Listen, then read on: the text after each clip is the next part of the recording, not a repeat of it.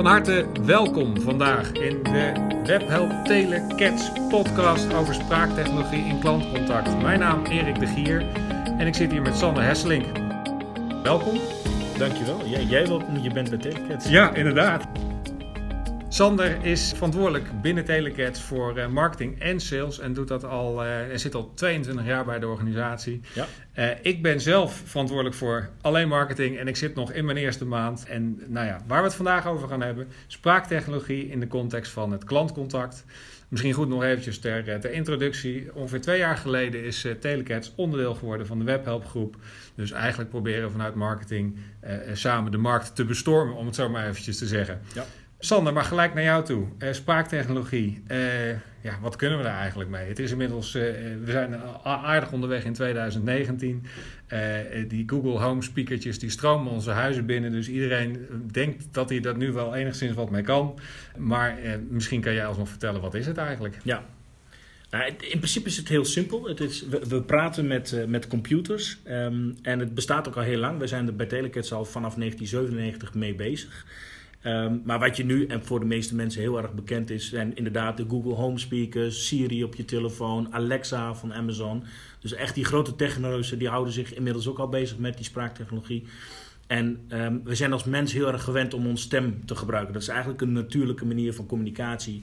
En we hebben in ons werk heel vaak nou, het toetsenbord, ja. dat is lang niet zo uh, efficiënt. We spreken ja. zeven keer sneller dan dat we, dan dat we typen. Ja, dus het is eigenlijk best wel nou ja, menselijk om, om met spraak uh, apparaten aan te sturen. En dat doen we. Maar waarom doen we dat dan nu pas eigenlijk? Sorry dat ik je onderbreek, maar ik zit, weet je, Google nou, investeert, ik, Apple investeert. Wat is er aan de hand? Waar, nou waarom nu wel? Nou, met, name, met name AI heeft daar een hele grote versnelling in aangebracht. Artificial, Artificial intelligence, ja, machine learning. Je ziet dat uh, Microsoft bijvoorbeeld nu een test heeft gedaan uh, afgelopen jaren met uh, deep neural networks om de spraakherkenning beter te maken. En die zitten nu al binnen een gecontroleerde omgeving op 95% herkenning van datgene wat gezegd is. En een gecontroleerde omgeving is dan een nieuwslezer die gewoon netjes tekst uh, voorleest op studio kwaliteit. Ja. En 95% betekent? Dat is ongeveer hetzelfde niveau als de mens. Dat is 5% ja? fout. En wij als mens maken nog steeds luisterfouten. Ja. We zijn heel goed in interpretatie. Dus je hebt het herkennen van de tekst en dat omzetten.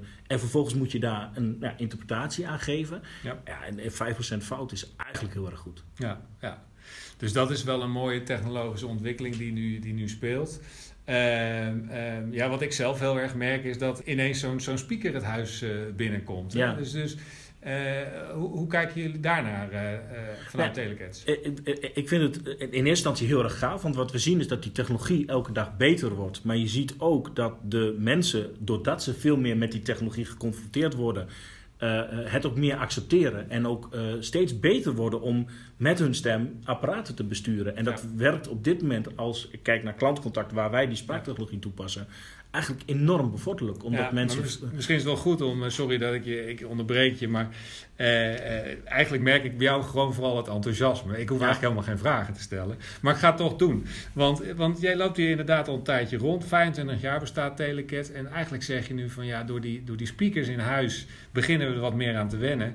Maar eigenlijk kan jij wel een tipje van de sluier oplichten dat wij eigenlijk al heel lang hiermee ja. te maken hebben. Want ja. zou je kunnen vertellen hoe jullie vanuit Telecats spraaktechnologie de laatste nou, decennia eigenlijk al toepassen ja. in de wereld van het klantcontact? Ja, dat is eigenlijk zijn, zijn dat drie uh, uh, zaken waar wij die technologie toepassen. Dat is gewoon het identificeren van klanten. Hè. Wie is de klant? Dat doe je heel vaak door een telefoonnummer. Maar dat kan ook prima doordat iemand zijn postcode huisnummer inspreekt. Ja. Als we dat goed kunnen herkennen, dan weten we wat het adres is en dan kunnen we de klant identificeren. Dat doen eigenlijk alle grote uitgevers al. Banken maken daar gebruik van. De tweede is, dan weet je wie die klant is, dan wil je weten waarvoor die belt. En dan kan hij een vraag voor inspreken. En dan kunnen we het gesprek routeren naar de juiste medewerker. En dat gebeurt ook al? Hoe lang dat gebeurt al? Ja, dat is ook al tien jaar. Uh, dat doen we bijvoorbeeld voor Egon, dat doen we voor KPN en voor grote gemeenten. Ja. Uh, en het derde is dat je eigenlijk steeds meer ziet dat gesprekken worden opgenomen en op basis van de opnames worden omgezet naar tekst. En dan heb je een schat aan informatie over het klantcontact. Dus hè, waar duren de gesprekken lang en kunnen we daarin zoeken? Ja, mooi. Um, even kijken hoor. Dus dan gaan we even nu naar uh, de identificatie, de eerste stap. Wat jij net zei, De postcode huisnummercombinatie, ja, ik heb dat al wel eens ingesproken. Telefoonnummers worden automatisch herkend, gesprekken worden gerouteerd. Uh, ja, wat, wat levert dat nou eigenlijk allemaal, uh, allemaal op? Ja, ik weet niet of je uit de school kan klappen over de klantresultaten, ja, ja, maar nou worden klanten hier nog blij van? Ja, ja absoluut. Als je, eerst die identificatie, wat daar heel erg belangrijk bij is, is dat op het moment dat je weet wie de klant is, dan weet je ook zijn productprofiel. En bijvoorbeeld iemand die belt en die heeft vijf minuten daarvoor al weer gebeld. Hè, dus een herhaalbeller. Mm -hmm. We kunnen nu heel goed zien dat die beller opnieuw belt. Ook op het moment dat hij niet kan worden geïdentificeerd op basis van zijn telefoonnummer, maar een postcode huisnummer inspreekt. En dan kunnen we hem weer uh, uh, plaatsen op de service waar hij daarvoor al was. Mm -hmm. Mensen die een marketingactie uh, hebben gehad, een brief thuis, kunnen we veel makkelijker duiden. We weten dat hij die brief heeft gehad, we weten welke klant het is, dus kunnen we daar een speciale routering op geven. Dat is veel klantvriendelijker. En het laatste is, op het moment dat we weten dat iemand belt en die heeft bijvoorbeeld een pakketje besteld, dan kunnen we ook proactief informatie geven. Goh, we zien dat je een pakketje heeft besteld en dat wordt morgen toegezonden. Dus je kunt alleen al doordat je weet wie die klant is, heel gericht service geven. En de tweede stap was het herkennen van de vraag van die klant. En je moet je voorstellen, als jij goed weet waar een klant voor belt en je kunt het gesprek routeren naar bijvoorbeeld self-service, iemand heeft een vraag over het activeren van een voicemail uh, in het buitenland, dan kun je direct naar die self-service gaan. Op het moment dat iemand een vraag heeft over een factuur, kun je dat gesprek routeren naar een medewerker. Die ziet, goh, deze vraag gaat over factuur. Maar die kan ook al gelijk de factuurgegevens op zijn scherm zien. Mm -hmm. En wat je dan ziet, is dat je de gemiddelde gesprekstijd kunt verkorten met 30 seconden. Omdat iemand automatisch wordt geïdentificeerd, je weet wie die is. Automatisch wordt geclassificeerd waarvoor die belt. Goh, u heeft een vraag over een factuur. En ook gelijk al kunt zien, goh, is dat dan over het termijnbedrag of is het over de bundel? En daar dan ook informatie over kan geven. Ja, ja. En, maar ik, ik kan me ook voorstellen dat dit toch niet voor alle bedrijven weggelegd is. Want, want is, is dit nou.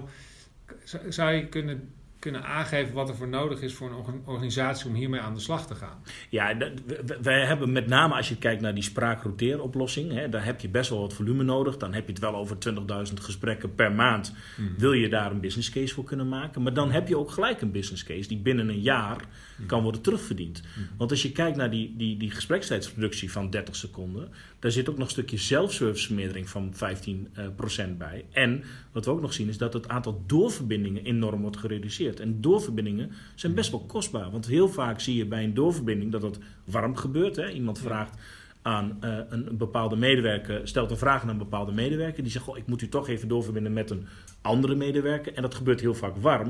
En ja. voordat je uiteindelijk de juiste route hebt, ja. Ja, ben je al één minuut onderweg. Dus als je daar 20% van kunt optimaliseren, dan is dat een enorme uh, optimalisatie. Niet alleen in, in kosten, maar ook qua klantvriendelijkheid. Mooi.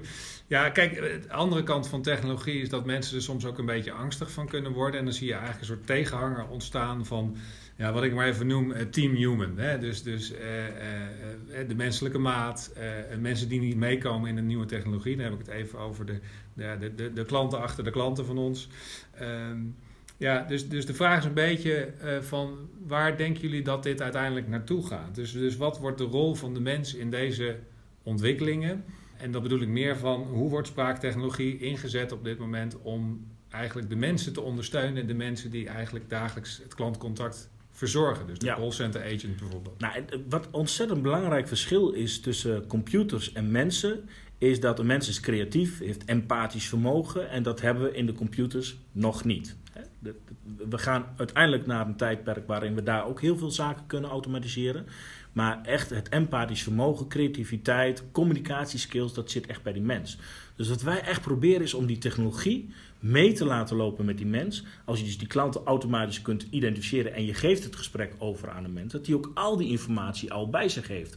Maar dat je ook tijdens het gesprek op een gegeven moment meeluistert en kunt zien van goh, iemand heeft een bepaalde vraag over een bepaald onderwerp. Kunnen we dan op een tweede scherm van die agent al informatie geven over dat specifieke onderwerp. Zodat je dus die agent souffleert met kennis. Mm. Agent nog steeds met zijn communicatieskills heel goed die klant te woord staat. Mm. Maar die dus eigenlijk ondersteund wordt door technologie om het gesprek inhoudelijk beter te kunnen doen, sneller te kunnen voeren en ook heel adequaat. Maar zou je voorbeelden kunnen noemen van onderwerpen waarvan je weet dat consumenten of klanten eigenlijk het liefst uh, uh, gewoon contact hebben met een medemens en niet met een computer? Of zijn er onderwerpen die juist heel erg vanuit de computer gewenst zijn? Ik denk dat we, doordat je een hele digitale transformatie ziet in klantcontact, dat de mensen die uh, echte self-service willen hebben, heel vaak al op internet zijn geweest uh, of hebben gekeken in een mobiele applicatie.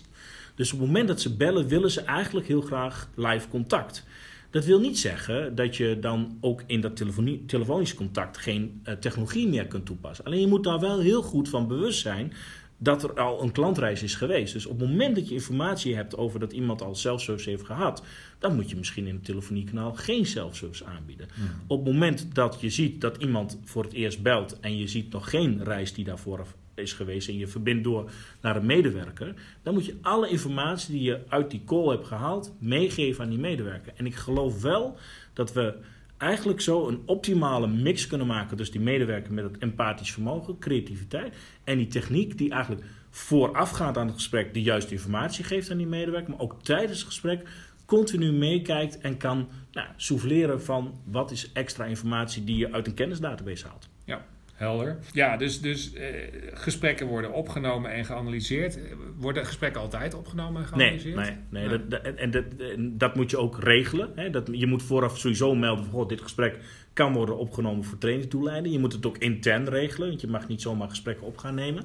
Maar wat we heel erg uh, nu aan het kijken zijn, ook bij WebHelp, is dan kunnen we nou, als we die gesprekken opnemen, niet zozeer direct gaan kijken van goh, wat doet een specifieke medewerker of wat gebeurt er in een specifiek gesprek, maar kunnen we nou die data aggregeren? Kunnen we nou kijken dat we zinvolle informatie-items halen en dat we veel meer kijken naar de processen. Dus waar duren bepaalde processen qua AHT heel erg lang? Hè? Average handling time. Average handling time. Average handling. Dus, dus welke gesprekken duren lang en waar gaan die over? En kunnen we procesoptimalisatie toevoegen? Dus je hebt aan de ene kant die identificatie en het routeren. En je hebt aan de andere kant het opnemen en het, zeg maar, het, het, het, het, halen van relevante informatie uit die gesprekken. En dat gaat nu nog heel erg op basis van onderwerp en gesprekstijd. Maar dat gaan we steeds meer ook richting de emotie. Want Hmm. Het, het, het, het, herkennen van emoties is voor ons mensen al soms moeilijk. Hè? Ironie en sarcasme, dat is niet voor iedereen uh, bekend terrein. Ja. Uh, dus een computer vindt dat natuurlijk nog veel moeilijker. Mm -hmm. Maar je kunt basale zaken heel goed uh, waarnemen. Dus stel eens dat je cross. Wij, zou, wij zouden nu van het gesprek wat wij voeren, zouden wij de emoties bij jou en mij kunnen toetsen. Of nee, de omdat dit, van het gesprek nou, kunnen toetsen. Ja, we kunnen wel enthousiasme... Dan weet ik wat, je, wat, je, wat je gaat vragen. Nou, bijvoorbeeld enthousiasme kunnen, we, kunnen, we, kunnen we wel degelijk uh, uh, iets van zeggen. Um, maar wat je met, met, name ziet, is wat wij doen, is wij, wij, wij, wij kijken naar de emotiemarkers over een helemaal, over, over een totaal gesprek. Mm -hmm. Dus we kijken, is er stemverheffing? Mm -hmm. We mhm. kijken naar, wordt er door elkaar ge, gesproken? Uh, we kijken naar woordgebruik. Dus we kijken niet alleen naar wat er wordt gezegd, maar ook hoe het wordt gezegd. En alleen maar die combinatie... Sander, mag jou uitdagen? Ja? Kun, kunnen wij dan zo meteen, als dit opgenomen is, kunnen wij dit dan toetsen met jullie technologie? Kunnen wij dit dan in de uh, aan de machine, à la machine learning, wij bieden dit aan ja, en dan krijgen en dan wij een antwoord terug? Nee, we krijgen een soort van sentimentscore. Dus we kunnen zeggen we waar ging het gesprek over, wat ja. kwam veel, en spraaktechnologie komt dan veel terug. Dus dat zal Spreek ik bij deze een beetje af. Dat gaan wij doen na, na dit gesprek, gaan wij dit uh, even toetsen. En ja. daar komen we in de volgende podcast uh, op terug. misschien een laatste vraag om, om deze podcast voor vandaag af te ronden. Want we hebben het natuurlijk over toepassen van spraaktechnologie in de wereld van het klantcontact. Maar eh, eh, misschien een, een, leuk om mee te eindigen is wat maakt de implementatie nou echt tot een succes? Dus wat, zijn nou, wat moet je nou echt op orde ja. hebben? Wil je, wil je dit tot een succes brengen? Je, je moet de, de medewerkers meenemen. Dus je, um, uh, want uiteindelijk zijn zij de bron van de kennis die je nodig hebt om een machine learning model te maken om die agent te kunnen helpen. Dus op het moment dat jij wil dat jij een vraag die je, die je krijgt, dat je die goed kunt interpreteren, dan wil je eigenlijk vastleggen wat was de interpretatie van een agent. Op het moment dat je agent wil ondersteunen met technologie, dan wil je eigenlijk vastleggen hoe zocht die agent in een kennisdatabase naar het antwoord op de vraag die gesteld is. Dus um, plus het feit dat uiteindelijk wil je dat die technologie samen met die mens samenwerkt. Mm -hmm. En daarvoor heb je die mensen nodig. Dus als je dit alleen maar gaat bekijken als oh, het is een sexy technologie en we willen het gaan toepassen uh, omdat we kosten willen reduceren, dan ben je fout bezig. Je moet echt gaan kijken hoe kan de technologie de mens in het contactcenter versterken. En dan heb je dus die mens ook nodig om zo'n project goed te laten verlopen. Dus we houden workshops, we kijken naar dit is een interpretatie die we hebben. Klopt dat ook? Is dit ook de manier waarop we hier uh, een succes van kunnen maken? En dat is de mens in het callcenter, dat is ook het MT, die uiteindelijk je moet kijken naar die rapportages. Maar we merken gewoon met dit soort technologieën moet je verder kijken dan alleen de technologie. Want het moet in een klantcontactproces worden geëmbed. En daarvoor heb je ook die mensen nodig. Ja, Mooi. Ja, we begonnen met het onderwerp, we gaan het over technologie hebben en we eindigen toch weer gewoon bij de mens. Um, ik ben heel erg benieuwd naar de, de, de sentiment-emotiescore naar aanleiding van, uh, van, deze, van deze eerste podcast. En misschien moeten we op basis van die resultaten maar bekijken of we dit nog een keer doen. Ja. Sander, ik wil jou heel erg bedanken voor, uh, voor dit gesprek ja. en dit interview. En uh, de luisteraars bedanken voor het luisteren, want je hebt bijna, nou ja, je hebt een volledig kwartier heb je volgemaakt. En nou ja, zoals mijn zoon altijd zegt aan het einde van de vlog, vergeet me niet te liken. Dat zal ik niet vragen, maar nou, tot een volgende keer. Ja, bedankt. Oké, okay, bedankt.